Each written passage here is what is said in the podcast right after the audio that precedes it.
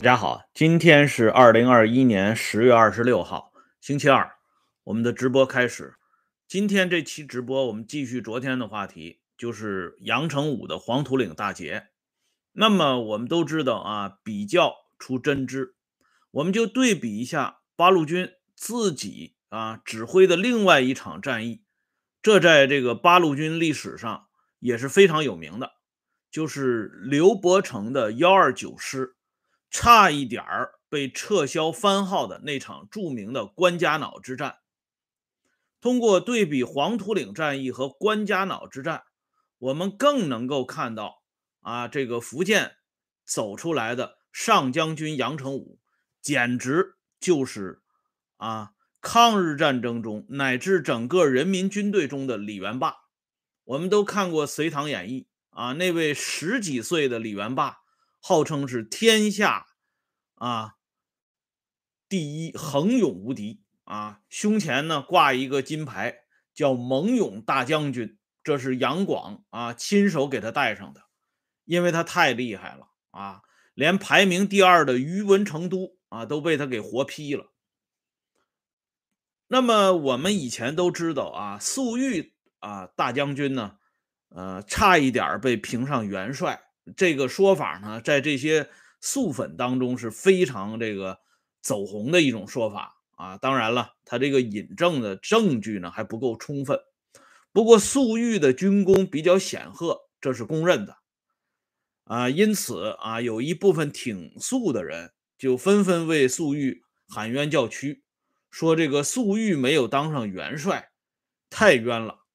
可是呢，通过对比之后。对比黄土岭大捷和这个关家坳之战之后，我们才会发现，真正冤枉的是咱们这位杨成武上将军，啊，他更冤，他比粟裕还冤，因为他的这个军事战绩和军事业绩已经超越了八路军副总指挥啊彭德怀，超越了八路军主力幺二九师师长刘伯承，超越了新四军新四军的师长粟裕。啊，也超越了红四方面军的骁将陈锡联等人，哎，整个就是说，咱们这人民军队基本上都快装不下这杨成武了。这里呢，我顺便给大家提一个老的电视剧，这是一九九五年公开上演的一部电视剧。这部电视剧呢，呃，油管上也有啊，大家看一下啊，叫《黄土岭一九三九》。一共是四集，啊，这部电视剧的主角叫王玉章，由他来扮演杨成武。这部电视剧的第一配角呢很有名啊，他的大名呢叫马少信。哎，这个演员是在《大决战》第一部辽沈战役当中扮演林彪的人。哎，这马少信这个人演林彪演的很像，大家去看一下都知道。而在这部《黄土岭一九三九》，这个编剧和导演煞费苦心，把这个马少信介绍到这部电视剧里边演日军名将之花阿部规秀。哎，而且这部电视剧呢，呃，我看了多少年以后，我到今天都没有忘啊，就看一遍就记住了。这部电视剧用了一个手法非常有意思啊，就是那边呢，就是杨成武的老婆。赵秀珍急急忙忙的在生小孩而这边呢，日军的中将呢，马少信扮演的阿部规秀急急忙忙的找死。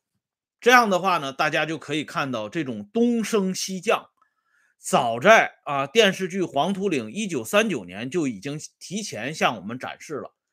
因为日本虽然也在东方，可是它属于西方七国啊，哎，这边呢。就是东方的名将杨成武的孩子诞生了，而那边呢，西方七国之一的日本的名将之花凋谢了。你看看这部电视剧啊，真的很厉害，这手法。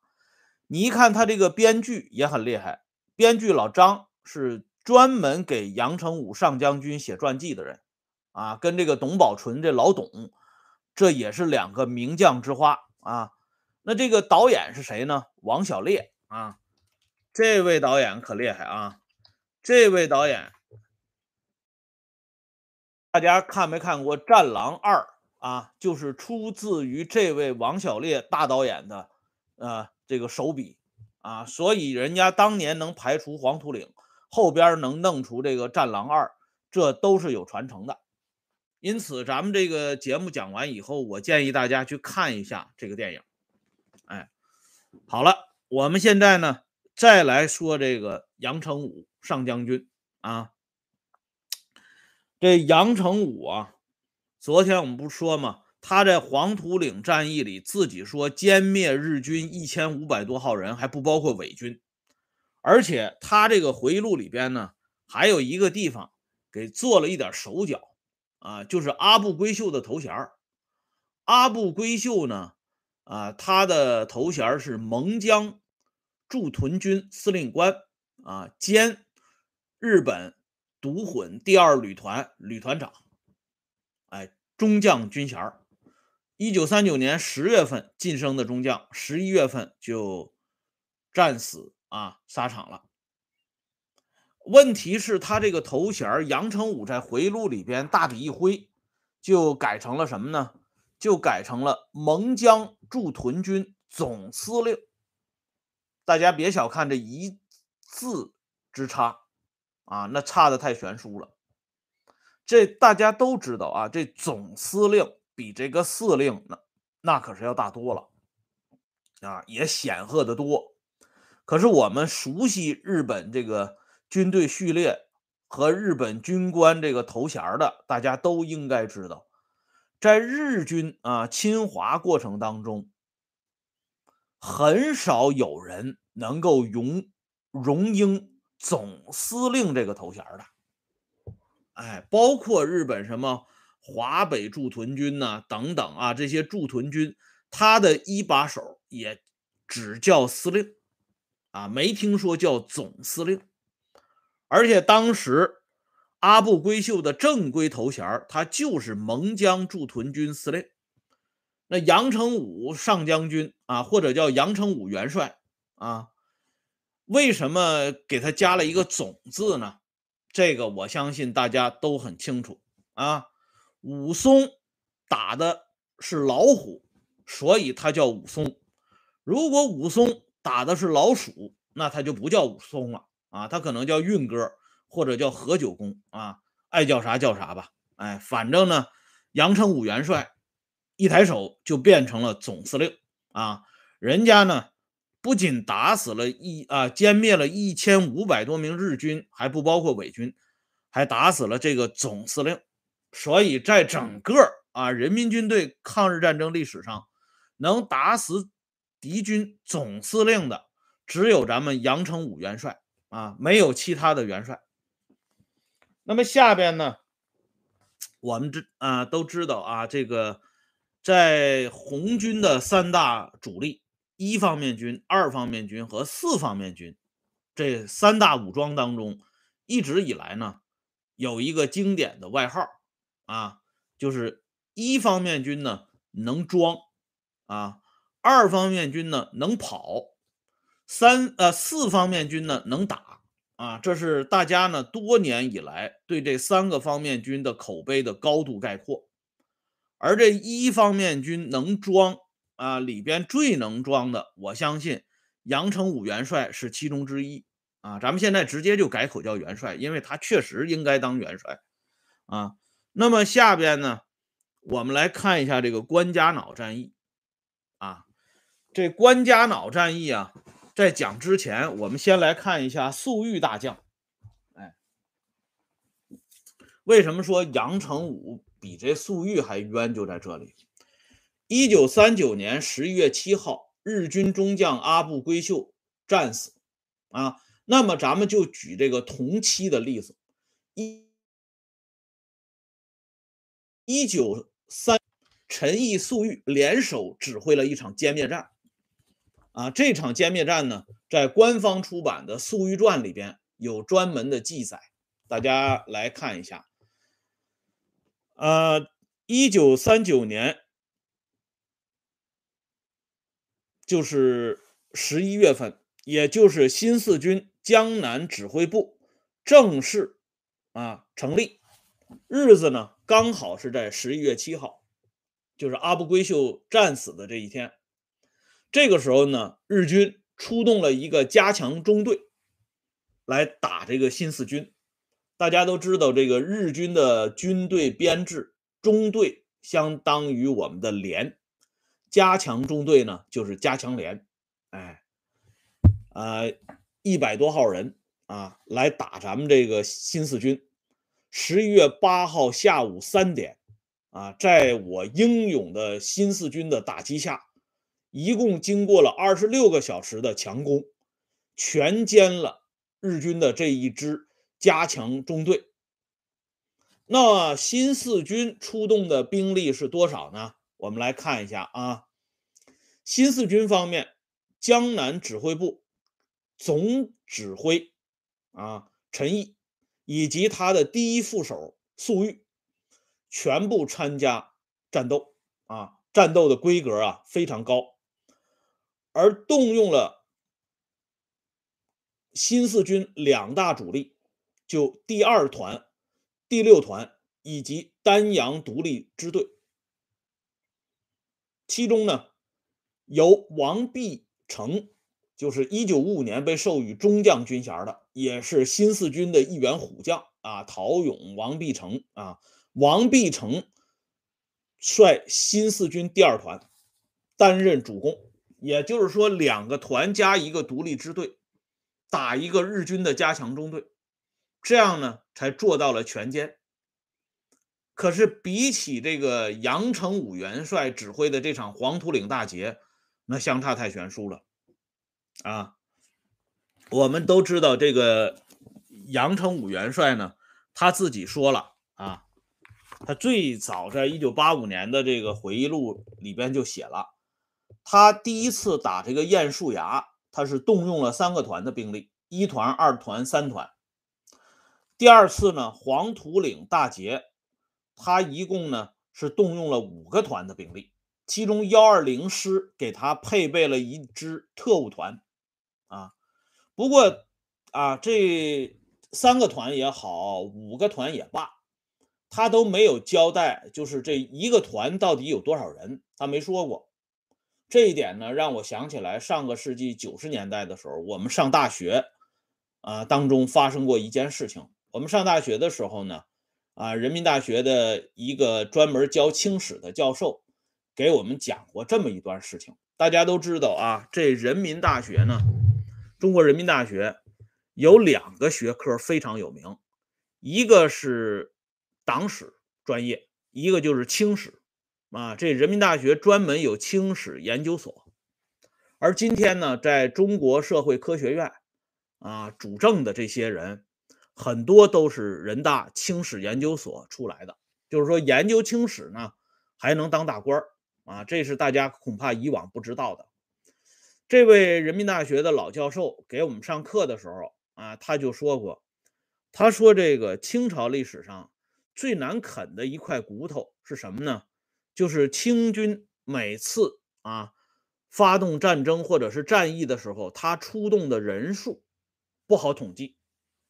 啊，这清朝有这传统，就是轻易不告诉你我出动多少军队，这保密。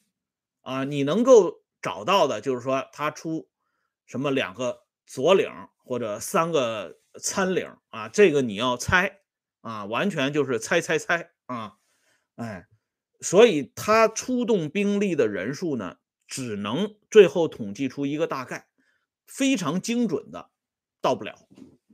因此，这个老教授当时就给我们说了一句结论，他说：“这是满清王朝啊，这个反动统治对人民留了一手。”啊，我们对这句话印象非常深。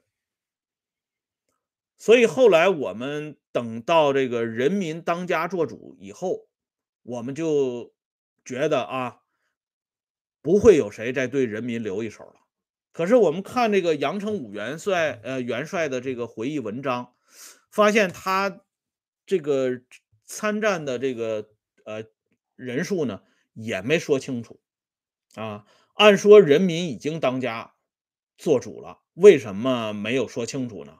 不知道啊。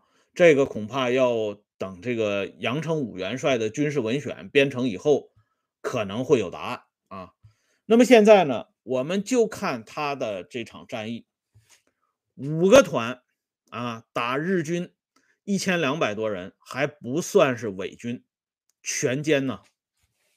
那边呢，两个团加一个支队啊，打日军一个加强中队，也仅仅是全歼。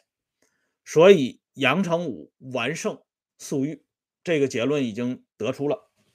那么接下来我们再来看一下官方出版的《刘伯承传》里边，为我们讲述了啊关家坳战役的前前后后的过程。一九四零年九月三号，啊，日军一个步兵大队，也就是一个营啊，进犯张建春。幺二九师师长刘伯承下令，陈锡联率第三八五旅进行伏击。经过两天的激战，啊，打死打伤日军两百余人，残留的日军逃回辽县。这是刘伯承传记里边记述的一件事情。那么这场战役呢，是由陈锡联来指挥的。陈锡联这个人呢，大家都知道啊，他有外号“陈三两”。这个人在战争当中是很有名气的，打仗非常猛啊，什么奇袭阳明堡啊等等这些著名的战役都留下他的指挥痕迹。那么在九月三号这场战役当中，啊。陈锡联率领的这三八五旅，他到底有多少人呢？在这一点上，陈锡联比杨成武元帅啊要诚实一点啊，或者说要朴实一点。他告诉了人民，所以呢，陈锡联只能当上将啊。这杨成武呢，就直接就奔元帅去了啊。在陈锡联的回忆录里边给我们介绍，他所统帅的这个三八五旅。是成立于一九三八年六月十二号。这个三八五旅下辖的部队有七六九团、独立团和独立支队，其中这个七六九团是主力团，团长就是电视剧《亮剑》中李云龙的原型之一的王进山，后来也是中将啊。整个啊这三股力量加在一起，三八五旅全旅共八千多人。哎，其中这个七六九团最厉害啊！他最后呢扩张到到一九三九年左右的时间段啊。据这个陈锡联介绍，他这七六九团王进山一个团就已经超过三千人了啊。那么这一支主力，在一九三呃一九四零年九月三号啊，在跟这个日军。一个大队较量的时候，也仅仅打死这个大队啊，打死打伤也不过两百多人。比起杨成武啊，五个团全歼日军四个步兵大队，这已经没法比了啊！而且我刚才给大家讲的，陈锡联说的是一九三八年这个旅成立的时候是有八千多人，那到了一九四零年，这个旅只能人数更多，他不可能人数更少。哎，这是发生在关家坳战役前夕的一场小的接触战。我们再来看另外一场战役。九月五号，啊，日军第三十六师团永野步兵大队六百余人向双峰镇进犯。刘伯承派出另外一员名将，啊，也就是电视剧《亮剑》当中经常出现的那个三八六旅旅长陈赓。率所部七七二团和二十五团由北向南，周希汉后来啊也曾经授予中将军衔，率十六团、三十八团由南向北，四个团共同夹击日军一个步兵大队六百多人，结果呢打死打伤日军步兵大队四百余人，啊就是说也没有实现全歼。陈赓、周希汉。两个人带四个团打六百人，啊，也没有全歼。可是咱们杨成武元帅带五个团打一千两百多人，全歼啊！所以陈赓、周希汉见到杨成武元帅也必须立正啊！那么下边我们再看啊，更需要立正的就是咱们的刘伯承元帅了。这刘伯承号称军神呐，啊，这个人在十大元帅当中以儒将著称，啊，多次出任总参谋长或者是参谋部部长，啊，不论是履历、军功都是非常漂亮。人家年轻的时候就已经是川中名将了，那个时候啊，林彪、徐向前还没有出道呢。所以这刘伯承是很厉害的，可是啊，一九四零年的关家坳战役当中啊，这场战役里，刘伯承现眼了。为什么说现眼呢？在最激烈的时候啊，彭德怀怒斥刘伯承，因为刘伯承那个时候觉得啃这硬骨头啃得太厉害了啊，咱不行，先撤下来。呃，缓一缓再打。彭德怀不干了。彭德怀说：“啊，拿不下关家坳，我撤掉你幺二九师的番号。”啊，这段话呢是怎么说的呢？是出现在官方出版的彭德怀传记里边，这是公开出版的东西啊，大家都可以查证啊。彭德怀在电话里对他一向十分尊重的战友刘伯承咆哮：“拿不下关家坳，就撤掉你幺二九师的番号。”这让一向宽和大度的刘伯承也不免气恼。这是彭德怀传中的原话啊，给大家读了一下。那么这场关家坳战役到底日军有多少呢？我们都看过电视剧啊，这个。《亮剑》里边呢，李云龙有一场著名的战役啊，用这个手榴弹先行，结果把日军一个个步兵大队啊，山崎大队给打啊，全歼山崎大队。这场战役其实就是关家坳战役的戏剧版。历史上的关家坳战役就是发生在日军一个步兵大队，它叫冈崎大队。哎，这支大队呢？啊，就是什么叫大队啊？就是一个营级建制啊。有多少人呢？一共五百多人。他的方向是由黄岩洞 向左会和刘家嘴进犯。八路军总部命令幺二九师集中主力歼灭该敌。啊，刘伯承指挥三八五旅、三八六旅、新编第一旅及。薄一波手下的抗日决死一纵队整体出击，将日军包围在关家坳高地上。大家看一下啊，三八五旅是陈锡联的，这个旅有多少人？刚才我已经给大家介绍了。三八六旅是陈赓的啊，这是全旅的人数都上啊。